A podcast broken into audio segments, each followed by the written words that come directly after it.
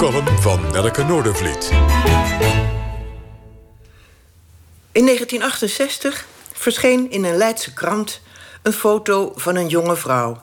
zittend in bed met een wanhopige blik en een thermometer in haar mond. Naast haar aan de muur een poster met een glimlachende Mao Tse-tung... de Chinese leider naar wie de griep werd genoemd... en die in die tijd op een andere manier hoogstpersoonlijk... miljoenen slachtoffers maakte tijdens de zogenaamde culturele revolutie... De Mao-griep of de Hongkong-griep was een mutatie van de A-griep, de Aziatische griep, ook al uit China van 1957. De A-griep maakte wereldwijd 1 miljoen dodelijke slachtoffers, de Mao-griep 700.000. Die jonge vrouw in bed, naast Mao, was ik. Ik was helemaal niet ziek, maar een vriend van mij was persfotograaf en hij zocht een toepasselijk plaatje voor de krant. We gingen er vrij luchtig mee om. Was ik toen zorgeloos? Nu behoor ik gezien mijn leeftijd, geheel tegen mijn zin, tot de risicogroep. Maar wees eerlijk. We zouden het niet rechtvaardig vinden als het virus vooral huis zou houden onder kinderen. Uit dit schema blijkt weer de wrede opruimwoede van moeder natuur. Is het oud? Gebruik je het niet meer? Dan kan het weg.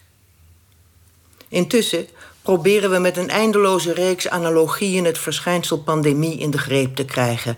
Eraan te wennen. Het is iets als een stare-down voor een kickboxwedstrijd. Je kijkt de tegenstander recht in zijn lelijke bek en laat weten: ik lust je rouw. Verder troosten we ons met de ouderwetse dooddoeners als ze zijn zo knap tegenwoordig en als er eenmaal een vaccin is.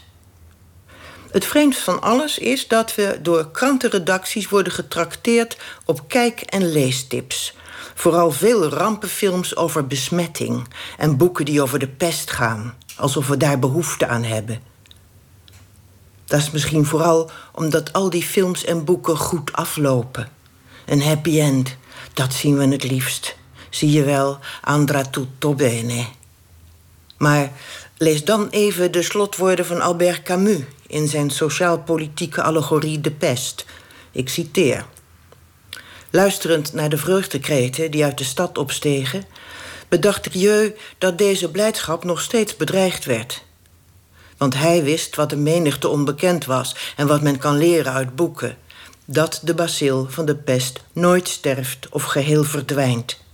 Dat ze tientallen jaren kan blijven sluimeren in de meubels en het linnengoed dat ze geduldig wacht in de kamers, de kelders, de koffers, de zakdoeken en paperassen.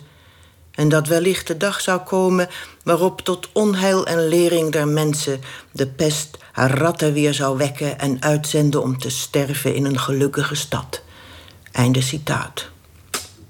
Hé, verdorie, wat een spelbreker, die Camus. Ja, Nelleke Noordervliet was dat vandaag niet vanuit de studio. Voor degenen die op de webcam gekeken hebben, hebben we kunnen zien. Maar bij Nelleke thuis. Ja, bij Nelleke thuis uh, dus.